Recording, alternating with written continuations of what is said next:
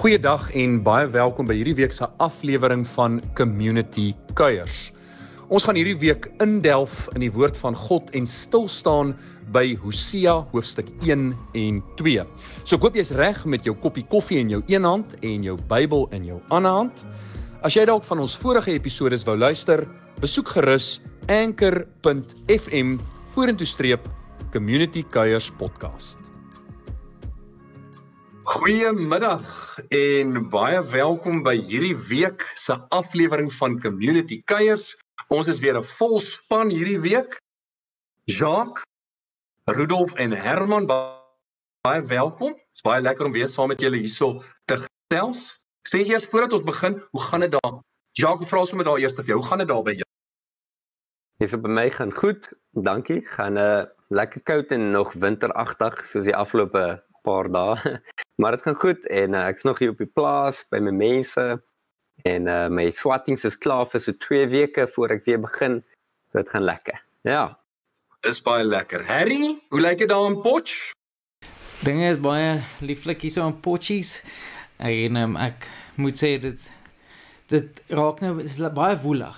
En ons doen vandag in 'n dorp is daar so baie mense oral en mense wat wil hê jy moet saam met hulle by Toro gaan kuier en by hierdie plek en by daai plek. So moet jy nou mooi besluit. Okay, hier sê met wie mag ons kuier wie nie want ons is nog steeds semi hier in 'n lockdown. Maar ehm um, so ek het dit my net vandag bevind bietjie so overwhelmed met al die awesome mense daar buite. En maar verder gaan dit reg goed. Ek kan voel die semester is nou lekker tot 'n einde en ek kort nou bietjie bietjie verlofies. Soos ehm um, ek ek wil so bietjie ek wil so bietjie rus. Mens moet rus. Verseker moet mens rus. Rudolf, my jou lekker. Pa van 2. Pa van 2, ek slat ouerskap uh hard in die lockdown tyd. Ehm um, ek dink dis amazing. Ek en Carissa is baie dankbaar vir hoe alles uitgewerk het met ons tweede ou billetjie wat gekom het in hierdie tyd. So ons uh vier baie fees rondom God se goeie tyding in ons lewe. Ons voel dis 'n geleentheid om in te bou op 'n klomp vlakke. Ehm uh, maar vandag was een van daai dae wat ek actually lekker rondgehardloop het en dit was goed geweest. So ehm uh, um, ek het my klein lyfies uh, net so na 7 laas gesien vanoggend. So ek sien uit om nou net 'n bietjie huis toe te gaan en ek word altyd gegroet met 'n 1 en 'n half jarige dogtertjie wat net wil speel. Sy weet nou om wegkruipertjie te speel. Sy kruip in die openbaar weg, maar sy's vasoortuig dat niemand kan haar sien nie. So dis lekker saam speel om haar te oortuig dat ek haar ookie kan sien en dan gaan gryp ek haar aan Kilio en dan lag sy.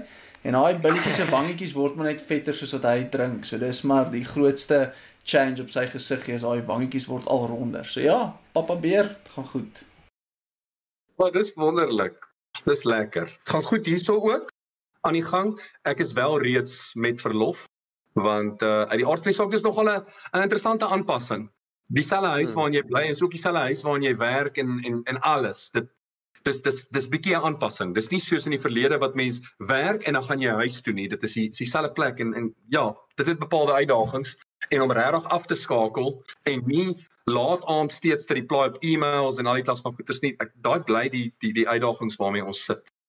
Nou hmm. vir die wat live ingeskakel het by ons uit die aard van die saak, die live chat funksie wat net hierso is, vra gerus daai vrae. Ons sal hulle dophou en uh Ja, dan gaan ek sommer met die deur in die huis van ons hanteer van dese week die boek van Hosea. En uh, ons kyk vandag spesifiek na Hosea 1 en Hosea 2. So Jacques, ek gaan met die deur in die huis val. Dis tweede keer dat ek daai uitdrukking gebruik. Ek sal dit nie weer gebruik nie. Ons gaan begin by jou.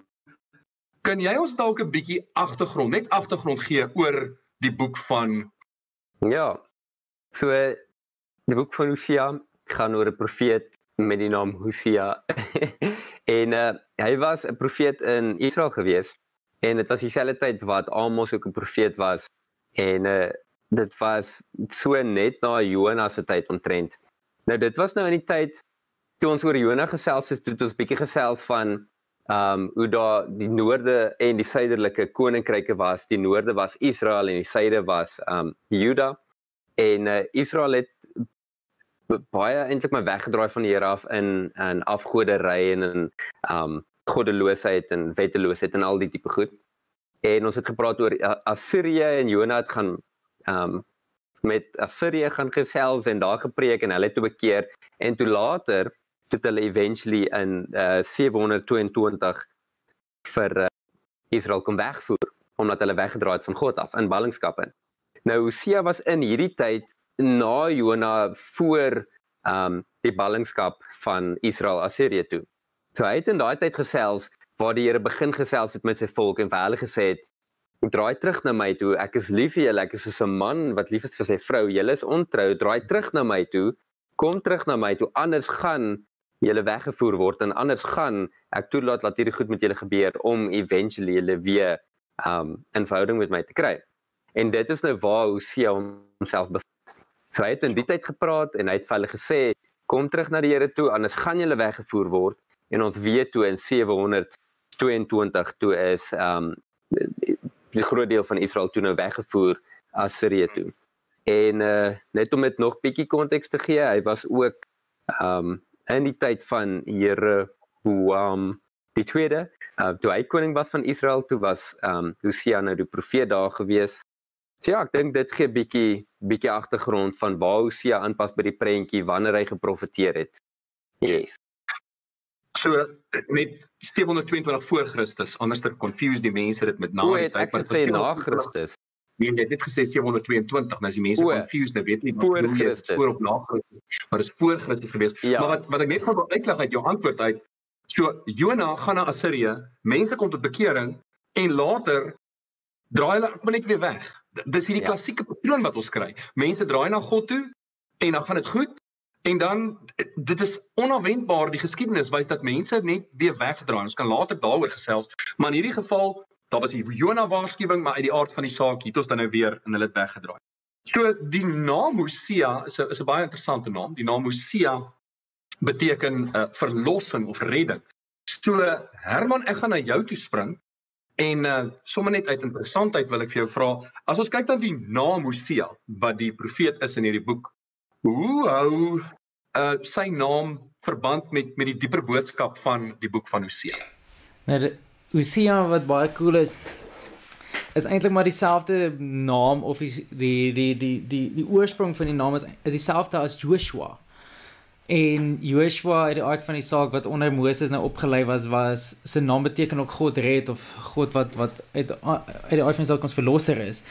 En ehm um, so wat baie cool is is juis hoe die naam van Hosea en die naam van Joshua eh, Yeshua Joshua dieselfde naam toe is wat vir Jesus gegee is as verlosser waarby Jesus eintlik nou net die Grieks is van Joshua en um, en en hoe dit so mooi aansluit dat waar God deur Hosea 'n boodskap van redding wil kom bring en kom verkondig en wil kom oor vir die volk kom bring en eintlik maar as 'n as 'n voorloop en reg maar as 'n profetiese beeld van wat Jesus gaan kom doen vir sy volk en sy bruid kom redeem wat in die wêreld was wat vuil is wat haarself kom defile het en haar en haar kom impure maak het en hoe iemand soos Hosea, Yeshua, Joshua, Jesus dan uit die aard van die saak uit op die toneel sou verskyn om daai bruid te kom redeem. En dit is waar Hosea se naam eintlik daai stuk significance dra en so aan. So as jy ietsie wou byvoeg Right. Nee, dis 'n baie mooi naam. Maar dit is wonderlik om te sien hoe die die die persoon se naam se betekenis hou nouliks verband met die roeping en die identiteit van daai persoon. Ons sien dit met Joshua wat die volk in die beloofde land ingelei het. Ons sien dit nou met Hosea hierso en ons sien dit dan later met Yeshua of die Griekse weergawe Jesus. Jesus soos ons hom noem. Ehm um, hy God verlos, hy verlos. Ehm um, nou uit die aard van die saak Hosea is 'n interessante profeet en hy het 'n baie interessante opdrag gekry. En uh die naam Gomer kom uit die aard van die saak dan op. So Rudolf, vertel ons 'n bietjie van hierdie interessante vrou met die naam van Gomer. ja, ehm um, ou Hosea, wat 'n interessante roeping wat hy uitgeleef het. Ehm um, en en en what is what what a piece of faithfulness wat hy na die tafel toe gebring het in 'n tyd wat hy gevra is om hierdie radikale ding te doen. So kom ons staan vir 'n bietjie stil by Gomer. Ja, ons het nou so 'n bietjie ingespring in die betekenis wat vir my so interessant is is die naam Gomer, soos jy hom nou gooi met die in Afrikaans. beteken actually complete of volmaak. En wat vir my so interessant is rondom dit is ons het, ons ons lees baie duidelik dat God vir Hosea sê gaan troue vrou 'n uh, ontrou vrou of go and go and marry an adulterous woman. Nou wat vir my baie interessant was is God het nie vir hom gesê gaan trou met Gomer nie. God het vir hom 'n duidelike opdrag gegee oor watse tipe vrou hy moes trou, maar Hosea het nog steeds die vrye wil gehad om te kies uit die lot adulterous woman wat se een kies hy en hy het 'n so ons sien nog steeds 'n stuk partnership. God wat vir hom sê ek wil hê jy moet hierdie beeld uit deel, maar God wat nog steeds vir 'n mate van vryheid gee binne in die keuse. Ehm um, so Gomer beteken ehm um, uh volmaak of complete en dit is my interessant want sy was alles behalwe dit. Sy was 'n adulterous woman. Die hele boek gaan oor of sy as as as antagonis tog tot 'n mate in hierdie boek gaan oor 'n 'n 'n heeltyd 'n stuk wegdraai, heeltyd 'n stuk ongehoorsaamheid, 'n stuk rebellie, 'n stuk adulterous, 'n stuk soek na die oud en is eintlik maar die vergestalte van Israel op daai stadium. Wat vir my interessant was is ons dis die dis die tweede keer wat ons lees van die naam Gomer. Ehm um, ou Noag het 'n kleinseun gehad met die naam Gomer, so dit kan jy gaan lees in Noag se geslagslyn. So dis sommer net 'n interessante realiteit. Dis altyd lekker om te weet waar is daar klein links. Daai Gomer was wel 'n man, so ehm um, sommer net so FYI. Maar dis so 'n bietjie agtergrond rondom hierdie vrou wat Hosea moes trou as vergestalte van waarmee Israel besig was in daai tyd. Rolf, wonderlik die die Gomer deel het ek nie geweet nie. Ek hou ek hou baie van daai. So sy was eintlik volmaak, maar steeds het sy nie besef wie sy is nie en gevolglik het sy dit op ander plekke gaan soek. Maar ek ek sit en probeer myself in in in Hosea se skoene plaas. Ek bedoel om die opdrag te kry gaan trou met 'n vrou nou daar's uit die aard van die saak baie debatte of was sy 'n prostituut met wie hy gaan trou het of het God profeties vooruitgesê jy gaan met 'n vrou trou wat 'n maagd is maar sy gaan éventueel uh, uit die daar vir die saak ontrou word. Ek weet die kommentaar daaroor ehm um, verskil 'n bietjie maar maar die punt is dat Hosea bereid was om gehoorsaam te wees soos jy sê. Te sê maar ek gee myself God gee my hierdie opdrag en hy's 'n mens en hy gaan en hy trou met hierdie vrou wetend hierdie gaan nie mooi uitdraai noodwendig nie. Hmm. maar hy hy het steeds gehoorsaam aan God. Ek ek is baie daarvan. Nou uit die aard van die saak toe word daar kinders gebore. En uh hulle het interessante name dis interessant hoe die name en die storie eintlik baie mooi vertel in in die boek van Hosea as mens letterlik net kyk na die betekenisse van die name.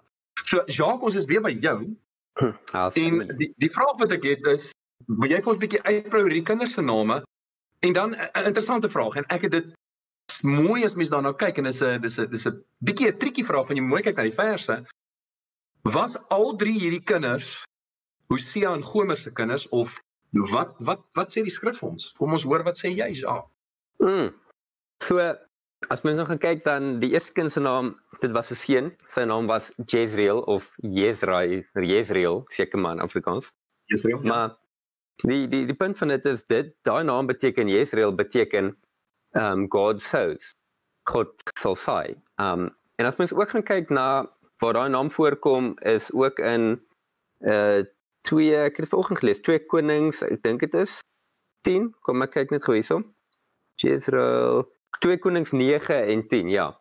En waarop dit neerkom is dat in in daai tyd was daar um in ook in Israel was daar slegte leierskap en dit was die tyd van Jezebel en en en die mense wat die volk weggedraai het na afgode toe. En op daai stuk grond het God toe eintlik verlossing gebring van daai mense en en hy het hulle daar vernietig om sy volk weer terug te dra na hom toe. En dit is nou wat hier ook gebeur wat sy naam ook beteken is dat God sal weer eens die afgoderry vernietig en sy mense bring na hom toe net soos in daai tyd. En as mens dan kyk na die tweede kind, was 'n dogter en haar naam was Loruhama, ou klein Lohurama. Ehm um, wat dan nou beteken nou compassion of geen barmhartigheid, né? Nee? Ehm um, ek kan net imagine. Nee, dis nou baie mooi in die Hebreëus vir ons. Lorugama. Ek dink dit Lorugama klink mooi, maar ek bedoel dit is soos geen barmhartigheid. Ek bedoel ja. watter mens sal sy kind geen barmhartigheid noem? Letterlik so dat jy kan verstaan, dis die Afrikaanse naam, geen barmhartigheid. Maar dis wat jy kind se naam is. Skielik ek vind nou rede om sê vir my. Nee, nee, nee, nee. Imagine dit, ja. So daar stap 'n kind en die mense vra wie is daai dogter wat daar stap? Dis geen barmhartigheid daai.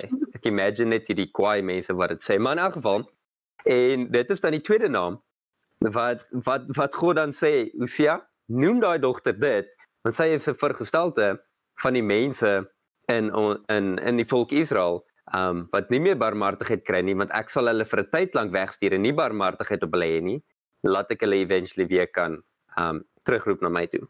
En dan die derde kind uh die derde kind is dan 'n seun en dit is weer Lo Ami is dan die seun se naam en dit beteken not my people, nie my mense nie. So dis weer dieselfde geval. Imagine daar stap 'n jong seun en die mense vra wie's daai jong seun wat hier in die dorp rondstap? En die mense sê nie my mense nie, is nie my mense nie. Nee, dis dis bietjie rof. En as mens dan gaan kyk, ehm um, ek het bietjie van die kommentare ook gelees en so en mense meen ook dat not my people was dan dalk nie Hosea se egte kind nie. Ehm um, oor Gomer dalk ontrou was en rondgeloop het en toe 'n kind gekry het wat nou genoem is nie my mense nie. Maar die punt van die saak is hierdie drie kinders se name ehm um, word dan is dan die vergestalte van Israel en deur nie my mense nie sê God ook vir 'n tyd lank gaan julle nie my mense wees nie. Julle kies om weg te draai van my julle is nie meer my mense nie. Ehm um, en dis eintlik daai name word dan eintlik maar soos 'n deklarasie wat God sê vir 'n tyd lank gaan ek eintlik maar myself skei van julle af. Ek gaan nie meer julle God wees nie. Julle is nie meer my mense nie. Ek het nie barmhartigheid op julle nie want julle kies om weg te draai van my af, maar met die groter doel um in die oog soos ons later sal sien laat hy eventually weer nie my mense, sy mense kan maak en op geen barmhartigheid weer barmhartigheid het. So yes, dit is bietjie van van die kinders.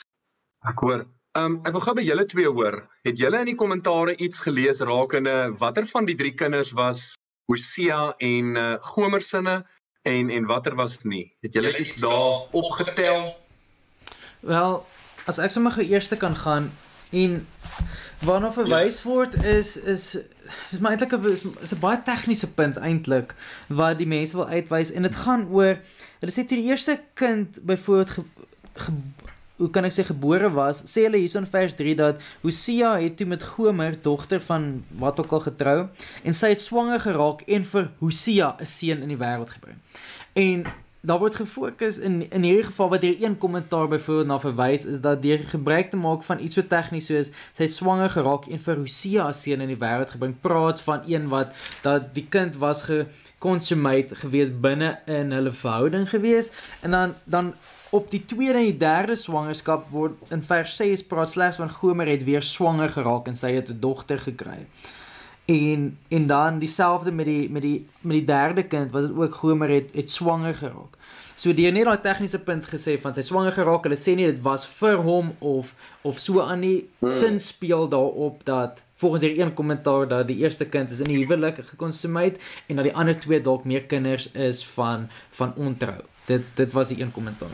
My gedagtes rondom die saak hang bietjie meer in die lig van hoofstuk 2 waar ehm um, dit baie duidelik aan die begin praat oor Israel as die ma, maar ons weet obviously Gomer in hierdie hele profesie is die vergestalte van Israel wat adulterous is. Met ander woorde, wanneer daar gepraat word van die ma, is dit direk op daai stadium in tydstip gewys Gomer, maar in die groter prentjie en profesie en in die geheel prentjie Israel en dan sê dit baie duidelik your mother has been unfaithful and has conceived them in disgrace. Hy praat van kinders daar mm -hmm. en dan sê hy net daarna um she said I will go after my lovers uh, en dan gaan dit so aan. So so daar's baie duidelik um uh, vers 4 sê ook I will not show my love to her children because they are the children of adultery. So Dis baie duidelik dat die eerste kind is Hosea se kind want dit word so geskryf. Die ander twee soos wat Herman jy nou genoem het, dalk so 'n bietjie vaag, kan ons tog wel in hoofstuk 2 sien dat daar baie duidelike punt is dat daar was kinders wat Gomer ehm um, dan in um, on, overspel of of of unfaithfulness ehm um, uh, in die lewe gebring het.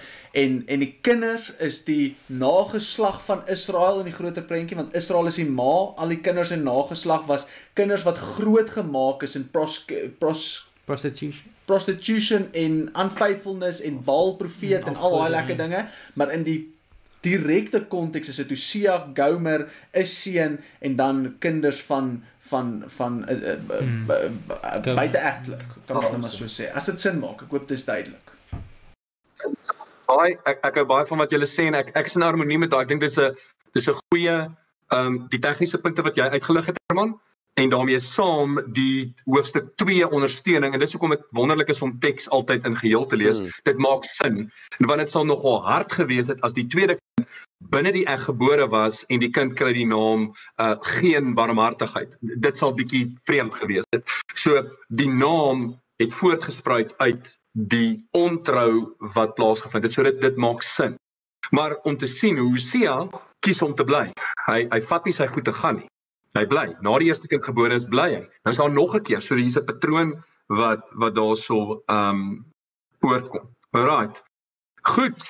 Ehm um, Herman, ek wil ek wil vir jou vra en uh, dis bietjie meer 'n tegniese punt. Dis 'n interessante paar verse. Vers wat verwys ehm um, na die uh, herstel van Israel. Dis 'n profetiese woord, maar hoe pas hierdie in by die groter uh profesie wat ons hierso wat ons hierso lees.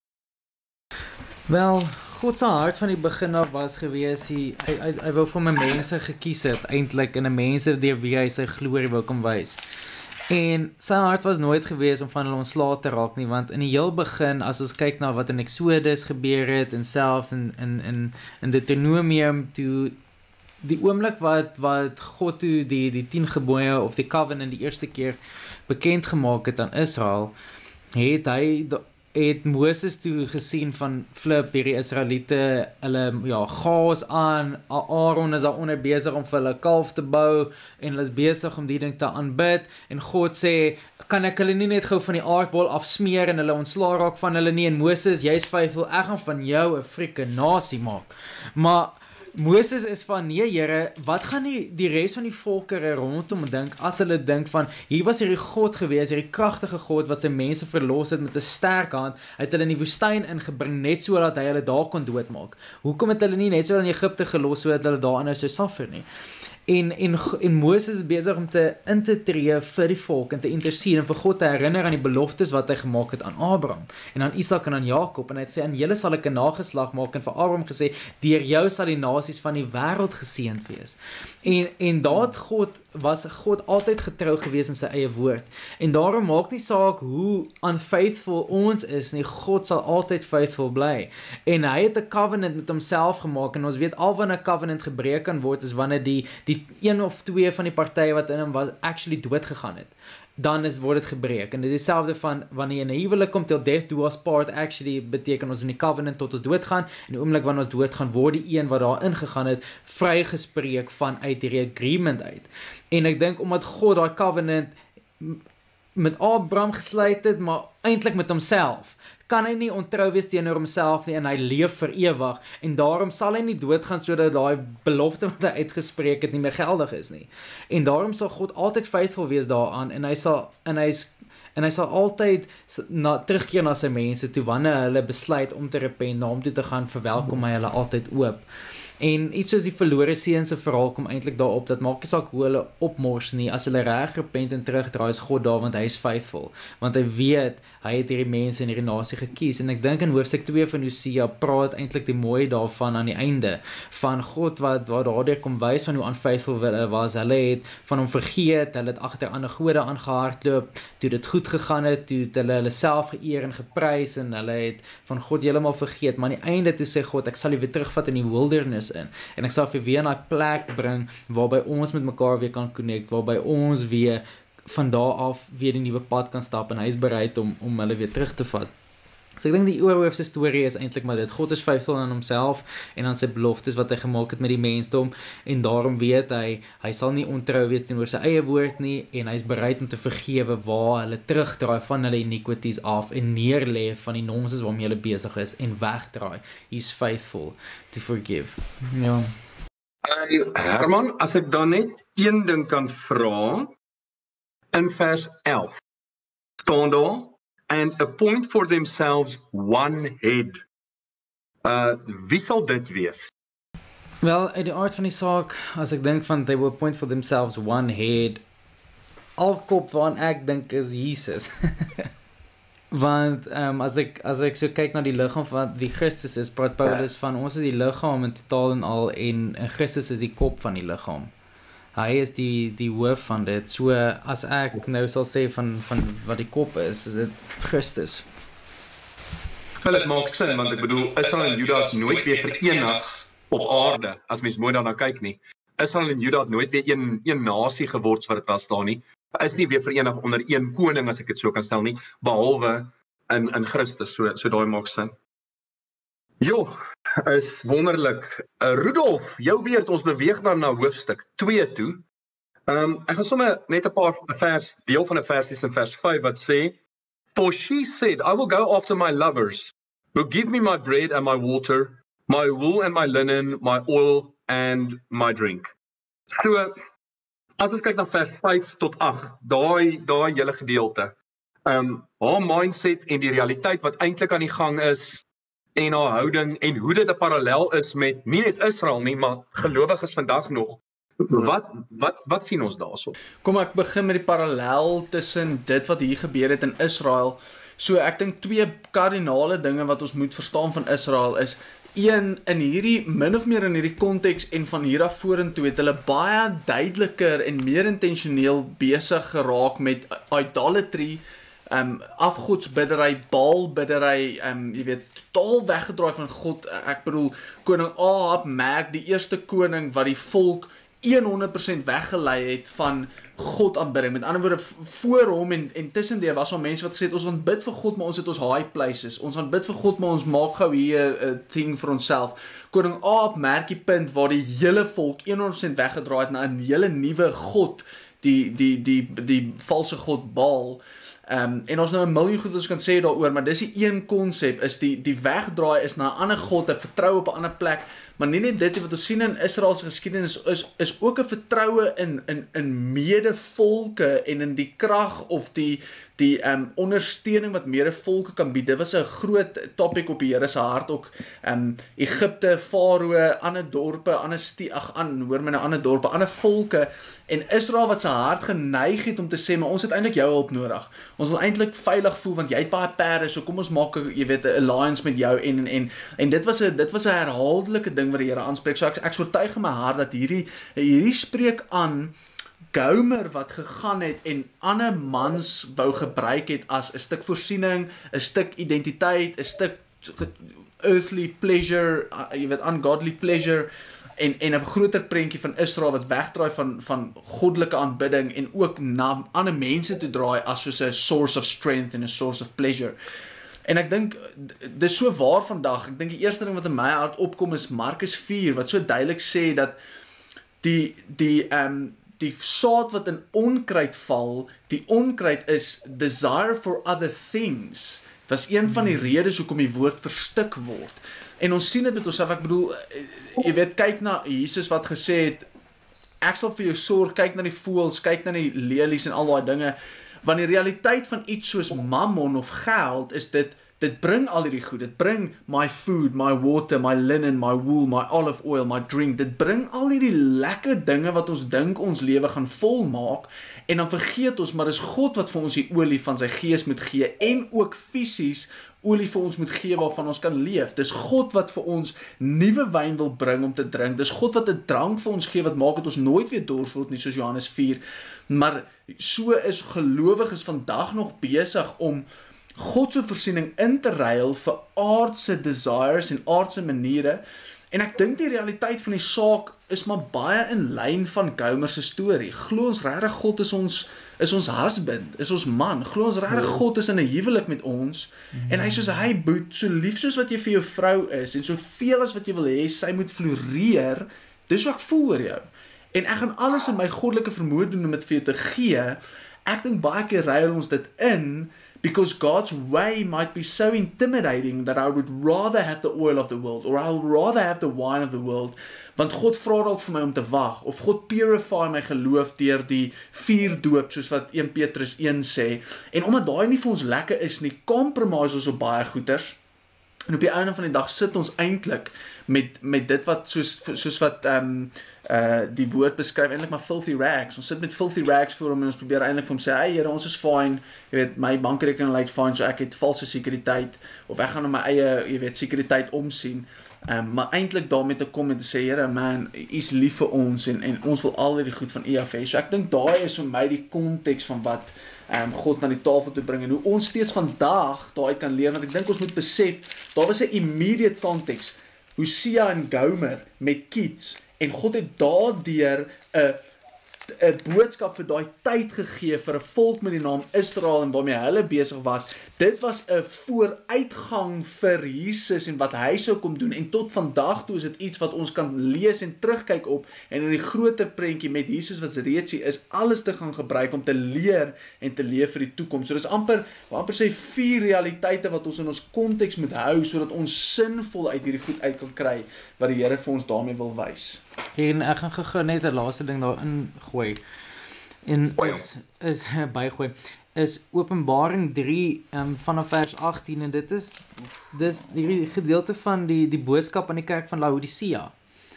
En en daar sê God vir hulle because you say, dis nou God sê die kerk en hulle is nou die kerk wat ons nou ken is die een wat lou warm is. Hulle is nie warm nie, hulle is ook nie koud nie. Hulle beteken niks vir niemand nie. Maar sê because you said that I am rich I have prospered and grown wealthy, and have need of nothing. And yet you do not know that you are wretched and miserable and poor and blind and naked. I counsel you to buy from me, say God, gold that has been heated red hot and refined by fire, so that you may become truly rich, and white clothes representing righteousness to clothe you, so that the shame of your nakedness will not be seen, and healing salve to put on your eyes, so that you may see. En en ek dink dit sluit so mooi daarbey aan hoe die mense en selfs Israel in 'n daai konteks so geblind was en so content was in hulle in hulle situasie dat hulle nie agtergekom het man dat eintlik 'n God nodig nie. Ja, dit is ek kry ook nou hier terwyl jy praat Rudolf vang my oog ook vers 8 wat sê for she did not know that I gave her grain, new wine and oil and multiplied her silver and gold which they prepared for Baal Hmm. En daai's dis hard. Imagine jy sorg vir iemand, jy gee, jy voorsien in daai persoon en al daai goeders, die beste van die beste. En dan gaan daai persoon en gaan sê dankie vir 'n afgod. Ek bedoel ja. dit is 'n belediging in die gesig van God. Want God gee al hierdie goed vir haar. Wat doen sy? Sy sê she goes and thanks her lovers. Dis wat sy gaan doen. Sy gaan na die wêreld toe, draai na die Baals toe in die konteks van Israel en uh in die terme in terme van Gomer gaan sy en sy is 'n prostituut, verstaan sy? Sy gee haar liggaam op um vir vir die wêreld en is hartseer. Um ja. Dan terug by my vraag. Hier's die vraag. Ek het my lys vrae hierso saamgebring. Um Jacques, ek's terug by jou. Vertel ons 'n bietjie van die, die Baal. Die die konsep van Baal kom nogal baie hier voor. Meer as wat ons om noodwendig hoor as ons hmm. Jesaja en Jeremia en al daai ouens hoor. Hoekom is hmm. dit so? Hier vra ek nou vir jou 'n bietjie 'n tegniese vraag. Hoekom hoekom kom die naam Baal redelik baie voor in uh, in Hosea? So as as ons sommer net eers kyk, ek sal nou 'n bietjie kom na daai tegniese punt toe en ek kan julle 'n bietjie inspring, maar as mens kyk na die die Baal, dit beteken ehm um, meester of owner, so dis dis dis dis iets soos my master tipe ding, né? En dit was nou 'n uh, 'n kananitiese afgod wat se naam Baal was. En dit was ook by plekke soos Baalpeor, ehm um, waar mense vroeër in die Ou Testament lees waar hy dan aanbid was deur die ander volke. En Ja, so dit is maar afgod wat deur die ander volke ehm um, gedien was en soos ons nou gepraat het, dit het gepaard gegaan met tempelprostitusie, met losbandigheid, met sekere ehm um, goeders wat uh, wat hulle gedoen het um, om eintlik maar offers te bring aan Baal en baie van dit was lynreg teen God se karakter en teen sy manier van aanbidding. En dan het mense ook dit goed gedoen en hulle het sekere fertility rights ge gehad en sekere goed gedoen om eintlik dan in hulle eie hoedanigheid te probeer ehm um, jy weet hulle lande voorberei vir goeie oes of um, om kinders te kry of sulke goed. So het hulle het hulle eie maniere probeer om dan nou um wat lynreg was eintlik teen God se voorsiening. Nou hoekom Baal hierso meer voorkom?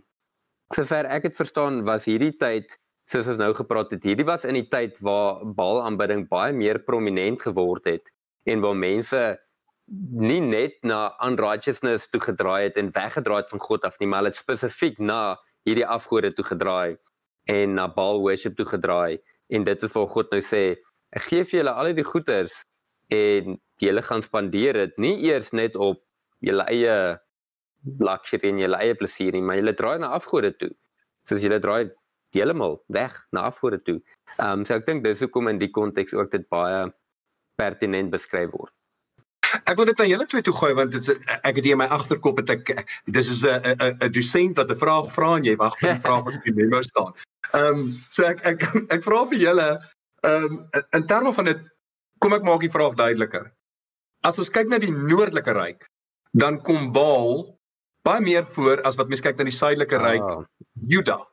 So julle het dit al opgetel. Dit is dis dit is baie uniek hierso wat ons byvoorbeeld hier lees wat dat baie die naam Baal hierso genoem word. My my vraag is hoekom sal dit wat is die verskil gewees tussen die noordelike en die suidelike ryk? Dis my vraag. Ek ek gooi dit vir die kollegas saam met my vir Herman en vir Rudolf. Kora Stouter. Ehm um, ek gaan nou nie die skrifte kan aanhaal nie, maar hier hier's wat ek weet. Ehm um, die noordelike ryk het verval in 'n definitiewe dieper stuk wegdraai van God, 'n dieper stuk idolatry en 'n dieper stuk totaal en al ander god. Ehm um, ek dink een ding wat ek wil sê oor Baal wat dalk so bietjie eh, provoking is is as mense gaan kyk na die tipe rituele wat hulle gedoen het dan besef ons dis wat in die sataniese wêreld aangaan vandag. Dit was nie net hy hoorie kom ons buig maar voor die kalf soos wat Nebukadneser gesê het nie. Dit was van van menslike kastyding so sny jouself tot by direkte seksuele prostitusie. Dit was wild. Dit was regtig Ehm um, ek dink ons het baie keer hierdie konsep dat soos ag hulle dalk gekniel voor 'n goue kalf en ag dit was nie so bad nie. Ehm um, die woord baie duidelik, die woord gebruik sulke goed soos they played around the calf. Daar's daar's baie duidelike, dis eintlik rituele wat baie keer van besig was om te gebeur. Goed wat hulle gesien het ander volke doen en hulle het dit gemimie. Mm. En dit is eintlik dis eintlik van daai goed is letterlik sataniese rituele. Ons sien dit vandag nog in die sataniese ehm um, realm. Nou ag dis nou nie belangrik nie. Al wat ek probeer sê is jy vra die vraag hoekom heeltyd met die noordelike volk wel hulle het actually heeltemal weggedraai van God af en van daar's 'n punt in die noordelike ryk wat nie een koning weer die Here dien nie. Maar in Juda is daar altyd 'n koning wat weer teruggedraai het na God toe. Dan het hulle weer 'n bietjie weggeval, dan sal koning wat teruggedraai het. En hulle het nooit as 'n as 'n as 'n volkie op hulle eie, as ons nou maar so kan praat van 'n suidelike koninkryk. Hulle het nooit 100% 'n generasie gehad wat heeltemal weggedraai het van die Here af nie. Daar was altyd 'n groepie mense wat gevasgehou het aan die Here, weer 'n koning wat dalk deurgedruk het en en en God. En daarom eh, eh, wat interessant was vir my is die die die die, eh, die exiles, die twee verskillende exiles, dit was anders vir albei volke. Die volk van van Israel het op elke keer 'n groter stuk destruction mm. beleef as Juda. Daar was elke keer 'n mate van 'n remnant wat gebly het by Juda by Israel sien ons heeltyd 'n massive destruction en as jy gaan kyk selfs in Jesus se tyd toe hy eventueel op aarde gekom het, Juda het 'n groter staanplek van Jewish religion gehad as Israel. Israel was was gevul met Samaritane wat ons weet, dis die mense wat agtergebly het wat weer met ander volke geslaap het. Hulle was so half 'n semi-Jood, amper soos 'n soos 'n buster hondjie.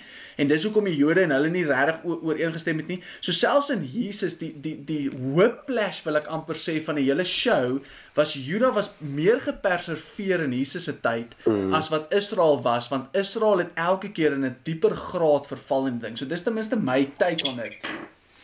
En ehm um, ek het nou hierso eintlik maar Genesis 49 hier voor my. En dit yes. dit was gewees toe Israel Jakob net voor hy ehm um, gaan slaap het in die doderyk in voor hy dood gegaan het, het hy eintlik profetiese woord uitgespreek oor al sy seuns en sy volkere en goed soos dit. Eintlik maar net die ding wat my mooi uitstaan is die profetiese woord wat hy uitgespreek het oor Juda en hy het gesê you are the one whom your brothers shall praise.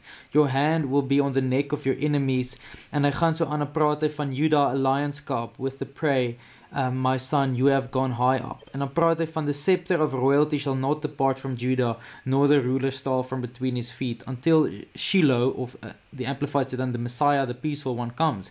And to him shall be the obedience of the people. En daar's al klaar het God iets kom establish in Genesis uit die mond van Jakob uit van wat se God se hart is teenoor die tribe of Judah waar uit Jesus gebore sou wees en waar God mm -hmm. altyd vir my remnant oorgelos het of 'n klein hoeveelheid mense en as hy nie vir 'n klein hoeveelheid mense oorgehou het nie, sou die Jode heeltemal uitgesterf het, maar hoe God gesê het vir Dawid, daar sal altyd iemand uit jou nageslag op die troon sit. Daar sal altyd die Messias gaan uit jou lyn kom. Hy gaan uit die lyn van Juda uitkom. Hy gaan uit die lyn van Dawid uitkom. En daai was toe nou die mense wat aan die suidelike halfrond of suidelike kingdom aangegaan het.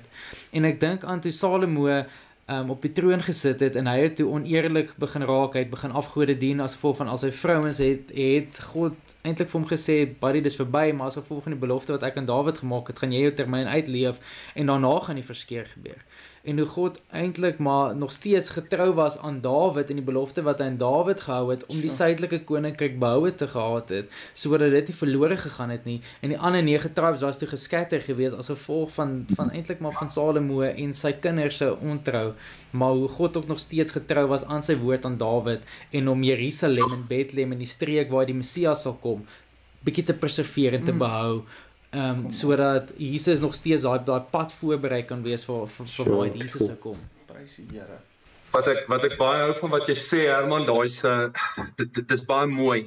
En wat wat ek hoor is hoekom het die hoekom het die ryk geskeur? En uh uit die aard van die saak, dit het begin met 'n man soos eintlik Dawid se ontrou alreeds, maar spesifiek bevestig deur deur Salomo se wegdraai van God af. En die punt wat ek net wil maak daardeur is, hmm. nou lees ons hier van Hosea en ons kan baie hierso vinger wys en alles, maar rewind eh, en mens besef dat my dade het gevolge en dit kan generasies na my kan dit raak as wat jy gesê het Rudolf wat myself in 'n tydperk ingaan wat daar koning op koning op koning op koning in Israel is wat nie een gedoen het wat reg is in die oë van die Here nie. Net 'n 'n punt wat ek van die memo net wil lees wat interessant net was. Toe die volk wel geskeur het in twee. Moes julle weet dat die Rehabiam was koning in die suide en Jerobeam 1 was koning in die noorde. Want ons hier's weer 'n Jerobeam 2 waarvan ons hier lees, maar Jerobeam 1 was koning bo. En hy het geweet, hy het slim, hy het polities slim iets gedoen want hy het geweet al 12 stamme aanbid Jahwe. En Jahwe het bepaal waartoe moet gegaan word vir die Paasfees. Waartoe moet gegaan word vir die Loofhuttefees? Waar moet die offers gebring word? Die lys gaan aan in Jerusalem. En Jerobeam 1 het geweet. As dit gaan bly, gaan die noordelike ryk altyd moet teruggaan Juda toe om offers te bring. En hy wou nie daai band gehad het teen julle weer aan self. Dis hoekom hy sy eie altare opgerig het en sy eie plekke geskep het en gesê het julle kan hierso ontmoet. Daar julle mag offers, julle kan God hierso ontmoet, dis reg. So dis waar dit begin het. Baie subtiel. Ons ons vat daar moet offers gebring word. Twist, net 'n klein twist wat ons inbring. En net 'n klein twist wat ons inbring. En oor jare vang jy jouself en jy kom agter ons totaal na die pad byste geraak. Ons ons dink ons dien nog God, maar ons doen nie. En dan sit jy met 'n geval waar Elia moes 'n smack bam gehad het met die profete van Astarte en Baal in die noordelike ryk waar Baal aanbid is vir reën, vrugbaarheid, um en al daai klas van goeders. Korra, sorry, ek wil iets byvoeg nê. Nee. Ek dink as ons as ons gou hierdie hierdie sommetjie kan maak Handelinge 2 uitstorting van die Gees gebeur in Jerusalem met die fees van Pentekoste wat een van die feeste was wat hulle spesifiek by 'n plek moes bymekaar kom. So imagine gou 9 uit die 12 van die volke besluit 10 uit die 12. 10 uit die 12. Sorry, 10 uit die 12 yes. besluit ons kom nie meer rondom met mekaar nie. Wat gebeur? Hulle is besig om 'n profesie van God in gedrang te bring omdat hulle dink ag is okay om by 'n ander plek by mekaar te kom wat maak wat maak dit nou regtig saak? In die meantime het God van die begin af gesê, "Hey, Pentekoste is eintlik maar net 'n is eintlik maar net 'n praktiese fisiese proklamasie van wat ek gaan doen in die gees met my mense as ek my gees uitstort en eventually die eerste oes inbring. En al ons weet wat gebeur het op daai stadium. Mense van heine en verre het gekom na die plek toe waar hulle hulle goed moes bring, hulle eerste offers, sodat hulle die offer kan bring aan die Here en God het daar gekies na Jesus daar bedien het om sy disippels daar te plaas sodat hulle van daar af die hele kerk movement kan begin. En ek dink dis die tipe goed wat ons baie keer lees, ag Noord, Suid, Samaria's capital, Judas capital, maak dit goed regtig saak? Ja, dit maak saak. God was besig vir honderde honderde jare om te werk aan 'n plan waar sy seun op die regte tyd sal kom. Hy vir ons sonde sal sterf, die gees uitgestort word op die regte plek, fisiese geografies. Ek bedoel ons kan 'n lang gesprek hê oor die geografiese hmm. ligging van daai tyd. Dis insane want ons Jy weet Israel vir ons is hierdie random woestyn waar hulle net bomme skiet en en allerlei ander weird gedoen. Maar op daai stadium dit was so, ek wil amper sê dis it's beyond our imagination hoe strategies God was in hierdie hele ding. En en hoe durf ons as mense sommer nuwe reëls in plek sit want ag, maak dit nou regtig saak ouens, ons is nie lus vir die politieke ding nie en dis in elk geval verse stap so damp net julle goeters hier, dis fine want kyk hier's ook 'n altaar. En en eintlik Jesus wat kom en sê, "Hey, boet, julle die kat in die ster beet vir daai vrou by die put." Net sê it's yes. it was never about which mountain is the holy mountain. That was about a gathering of people so that God can impact them at that gathering and show them his love for them. En hulle het daai opgegee weens allerlei ander reëls en regulasies. Dankie vir Rudolf. Um Jacques The Valley of Achor, die hmm. Agor laagte of die Agor vallei. Jy wou graag daaroor vir ons iets gedeel het. Ja ja ja ja. So ek dink en dis een van my gunsteling verse in die skrif sou ek sê as mens kyk na vers 14 en 15. Ehm um, waar God dan sê therefore I'm going to persuade her and I praat nou hier van sy volk Israel en ultimately met gelowiges. I'm going to lead her to the wilderness and speak tenderly to her and I will give her back her vineyards and make the valley of Acre into a gateway of hope. En as ons kyk na die Acre laagte of die the valley of Acre soos jy nou gesê het Cornelius en uh Joshua dan laat ek net geseker maak Joshua 7 vers 26 of eintlik my Joshua 7.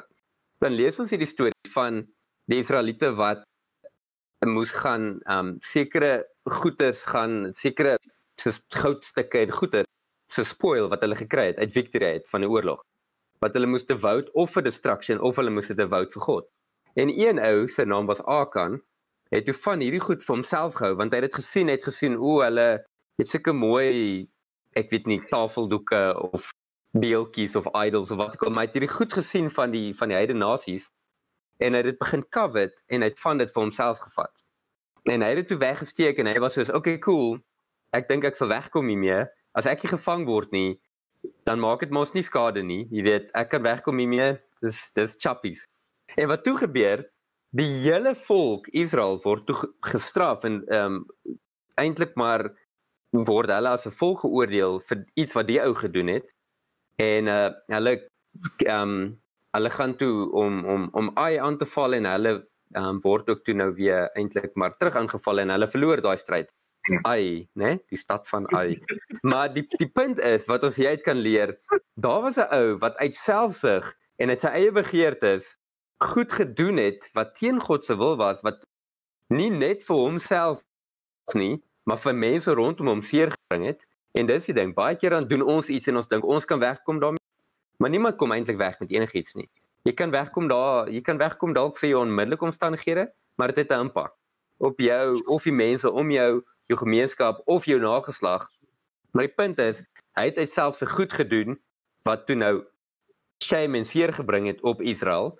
Um en toe net daarna toe het hy sy straf gekry en toe God weer eintlik die volk vergewe en um hulle weer gelei na Victor toe.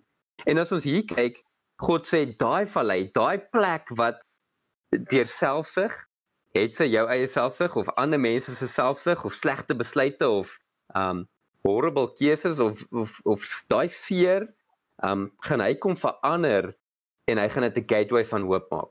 So daai slegste sleg, daai area in jou lewe, het sy of dit jou eie skuld was, goed wat jy besluit het, of het sy of dit was um goed wat mense besluit het of mense aan jou gedoen het of selfsug van jou ouers wat jou benadeel het of hoe dit ook al sê, daai vallei, daai tye van moeilikheid gaan God gebruik en dit draai nie net na ek gaan dit oukei okay maak nie, maar ek gaan dit 'n gateway van hoop maak. En in in daai konteks is dit nou obviously gaan dit oor Israel wat God gaan terugbring na um na hom toe en hy gaan hulle tye van trouble in 'n deur van hoop verander. En ons kan dit sien deur die skrif um hoe Jesus weer daai hoop gebring het. Maar in ons lewens, hoe awesome is dit? God sê daai daai vallei, daai plek wat Hmm. seer was, wat moeilik was, wat selfsug van ander mense of jouself wat moeilikheid Hmm. kon bring het. Ek gaan daai verander. Ek gaan deel maak van jou getuienis en ek gaan hoop gee. Nie net vir jou nie, maar vir ander mense daardeur. 'n Gateway of of hope. Iets waardeur mense kan gaan en hoop kry. En dis hoekom ek graag daaroor wou chat want ek love dit. Die implikasie vir Israel daai tyd en die implikasie vir ons as gelowiges. God se hart is om moeilikheid hoop te maak. Um so dis net my awesome. Ek baie van wat jy sê, um ek dink dit is 'n dis 'n dis is so mooi en ek soos ek nou kyk na Ja. hierdie verse, ek ek gaan nou by julle twee kom. Julle twee kry 'n baie lekker oop vraag. Mense kry oop vraag. Hy het 'n meer spesifieke vraag gekry. Um maar wat ek hou, ek, dit is my so mooi en julle gaan nou verder daarop uitbrei. En net weer eens, nou dat ek dink oor die oor die akkorlaagte wat jy sê, um maak 100% sin en dit sluit aan by Salomo se gedrag het gevolge gehad vir die mense na hom. Akan het op die einde van die dag daartoe gelei dat is dit 36 man um dood is as gevolg van die aanval op Ai. Dit is die realiteit. So my ongeregtigheid, yes, kan 'n direkte impak hê op die mense rondom my. En ons kan lekker dit is 'n gesprek op sy eie. Maar my gehoorsaamheid of ongehoorsaamheid kan my gemeenskap impakteer. Ons ons kom ons laat dit daar want dit is 'n baie lang gesprek waarop ons kan ingaan. Um ek wil by julle twee vir die laaste paar minute wat ons het. Herman en en uh, Rudolf ek gaan is vanaf vers 16. Daar is sulke mooi huwelikstaal, sulke mooi verse wat hier genoem word. Mm. Um that you will call me my husband and no longer call me my master. Die die verbond wat daarvan gepraat word. Vers 19 I will betroth you to me forever. Hoe mooi is dit? Um I will betroth you to me in faithfulness and you shall know the Lord. Um en dan ook vers 21 it shall come to pass in that day that I will answer says the Lord. I will answer the heavens and they shall answer the earth. Gaan dit so aan. Um en dan vers 23 wat dit afsluit then I will sow for her for myself in the earth and I will have mercy on her who had not obtained mercy then I will say to those who were not my people you are my people so wat hy doen is die drie name van die kinders hy vat die drie name van die kinders en hy sluit af in hoofstuk 2 met die drie name van die kinders um and they shall and they shall say you are my god um so dis nie regtig 'n spesifieke vraag nie my vraag is net wat staan vir julle uit Um eers vir jou Herman en dan vir jou Rudolf. Wat staan vir julle uit as julle na daai laaste verse kyk van hoofstuk 2? Dit is so mooi.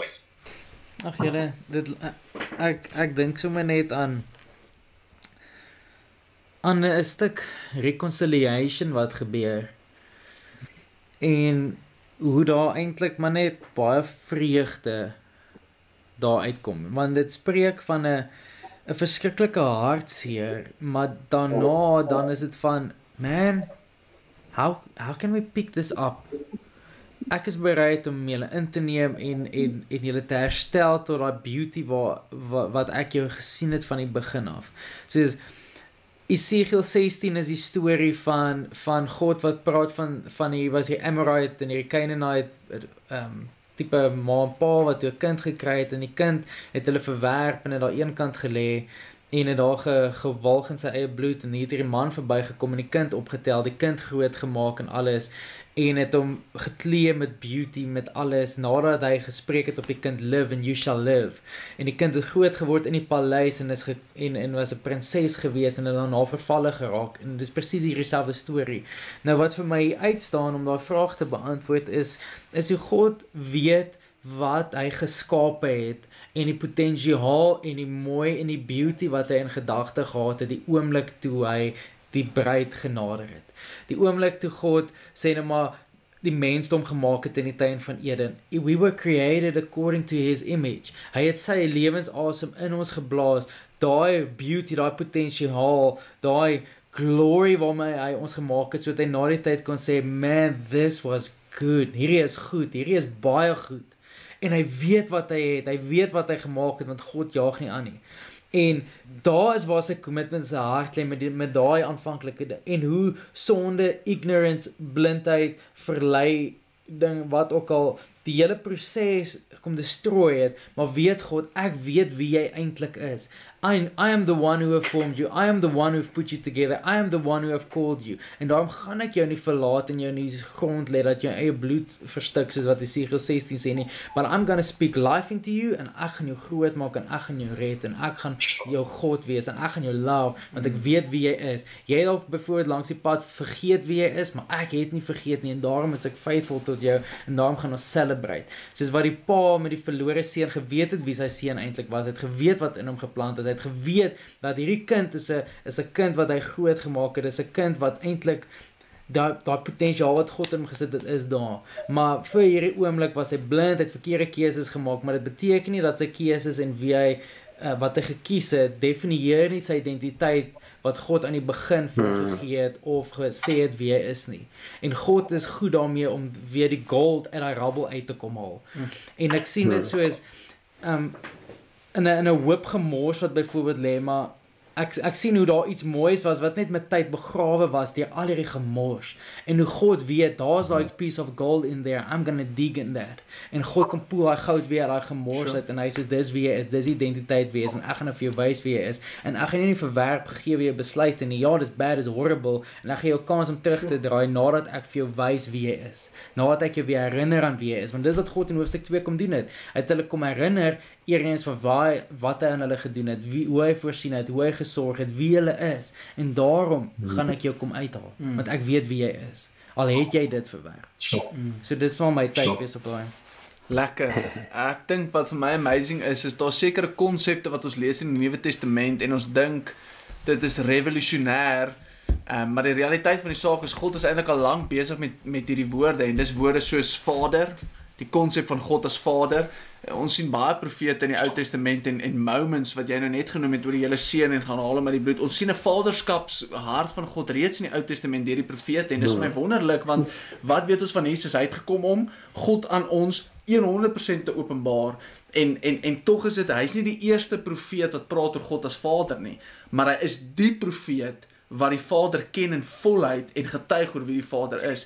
En ek dink ons sien dieselfde konsep hier. Ons weet Efesiërs 5, huwelik was altyd man, vrou, Jesus, die die kerk, jy weet, bruid, bruidegom. En tog is hier klaar 'n stuk wat sê, "You will call me my husband and and no longer my master." En ek dink dadelik aan Johannes 15 waar Jesus vir hulle sê uiteindelik is die tyd hier. Bedoel hierdie dis honderde honderde jare uitmekaar uit en Jesus kom vir hulle en sê vir hulle bulle, ek noem julle vriende, want 'n vriend weet wat sy meester doen of wat sy meester wil hê.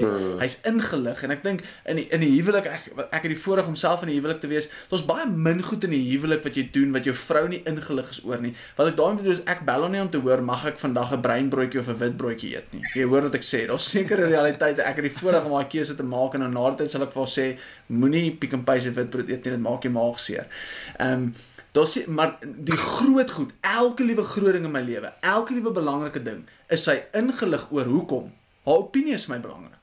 Wat sy sê is my belangrik. Hoe sy reageer op die goed is my belangrik en haar hart is my belangrik. En ek dink ons mis baie keer daardie deel van God. God lig ons baie keer in oor goed, nie omdat ons Ja. FYI nie. Hy lig ons in oor goed want dit is vir hom belangrik. Ons hart in gebede is vir hom belangrik. Dis hoekom hy vir ons vra om te bid. Ons ons ons ons partnership in mission is vir hom belangrik. Dis hoekom hy wag vir ons soms voordat hy iemand tot bekering roep, want ons moet opdag daar. Daar's 'n daar's 'n pro daar's 'n proactive relationship wat hy na verwag. Um, en dis vir my mooi. Dis vir my mooi dat God daai tipe ding vir ons gee. Hy hanteer ons in sy skepping 100% geïsoleerd in intimiteit teenoor alles anders in sy skepping. Teenoor die mooi berge en die mooi valleie en die diere en die alles is ons op hierdie punt wat hy ons afsonder en sê daar's iets wat ek met jou wil hê. En hoe daai ding lyk is 'n vader en 'n seun verhouding, 'n man en vrou verhouding, 'n intimiteit. En wat vir my so amazing is van dit en daarmee sal ek afsluit. Deur al hierdie nonsens waarmee hulle besig is, praat God steeds met die woorde covenant. Hy praat steeds met die woorde verbond. Hy praat steeds met die woorde 'n ander afsonderlike um exclusive verhouding. Hy sê nie vir Israel hy bulle Jy weet ons was nou hierdie relationship, ons was nou man en vrou, maar ek, ek dink ons moet net vriende wees. Ek ek, ek dink ons like mekaar nog steeds en als, maar Here, dit het nie uitgewerk nie. Ek gaan die Gentiles vat as my bruid en dan bly julle maar net my vriende want ek dink nie ons moet weer hierdie romance ding try nie. Dit werk nie lekker vir ons nie. Dis wat ons sou doen as mense. Jy weet net so half ons bly Facebook friends en ons bewaar maar hier vrede. God sê nee, ek sal alles doen in my vermoë om nie vrede te kom bewaar nie, maar om met my dood van my seun vrede vir eens en vir altyd kom bewerkstellig, want dis die verhouding wat ek van die begin af met julle wou gehad het, selfs in die tuin van Eden. So dis my ridiculous dat in hierdie moeilike boek wat ons voel, Here, wat is besig om te gebeur? Ons is ons is wat? Ons is 23 verse in die tweede hoofstuk in en ons sien klaar God se hart wat sê die hele punt van hierdie hele storie is nie een of ander whack profeet wat stupid goed doen nie. Dis 'n boodskap van versoening want ek is nog steeds lief vir my mense. Daar's wel net 'n paar stappe ongelukkig deel straf en swak keuses wat gevolge het, maar ook stappe van reconciliation wat ons eers deur moet stap oor generasies hmm. heen en it's gonna happen, soos wat die Here vir hulle daai gesê het, jy gaan jy gaan geexaal word. Dis hoe dit is. Die land gaan rus want jy was ongehoorsaam aan my Sabbatsdae. Daar seker goed dit gaan happen, maar weet net, weet voor die tyd, voor dit gebeur, hier's my hart en nog 'n dag kom waar daar 'n one head 'n leader opstaan en he's going to reconcile all to himself en hy hy include ons in daai gesprek. Alhoewel hy met die met die Israeliete praat, weet ons daar's 'n Israel en Gentiles 'n one bark, 'n one tree. Ehm um, jy weet 'n olyf, ons as wille olyf wat ingeënt is in die regte olyf. En dis net vir my, ag man, dit is ja. exciting. Prys die Here. Baie dankie vir julle insette. Ek um, ek gaan 'n laaste sin net maak net om vol sirkel te gaan na waar ons begin het. Ehm um, As jy 'n gemiddelde mens moet vat, as jy 'n gemiddelde man moet vat op aarde en vir hom moet sê, luister jy, ek het vir jou 'n vrou uitgesoek. Maar ek sê nou vir jou, sy gaan op jou cheat. Nie sy kan op jou cheat nie, sy gaan op jou cheat. Ek wil hê julle moet trou. My vraag is, watter persentasie man sal sê, my hand is in die lug, ek ek geen mens in sy regte verstand sal ja sê vir so iets. Tog is dit presies wat Hosea gedoen het en dis waar die boek van Hosea gaan en dit wys vir ons iets aan die een kant van God se groot trou in kontras met Israel en ook ons as mense se ontrou dikwels mm. en dat God ons nie laat gaan nie want sy liefde is groot. En daai is 'n 'n gedagte wat menslike verstand te bowe gaan. Ons besef nie hoe groot God se ja. liefde vir ons is nie. So met dit hoop ek dat Hosea net verder vir jou oopgebreek word soos ons verder gaan. Mag jy al meer en meer God se hart raak sien hmm. in Hosea. En met dit sê ek vir julle ook by Jacques, by Rudolf, by Herman en aan ons kykers sê Bye. ons totsiens en ons sien julle weer volgende week.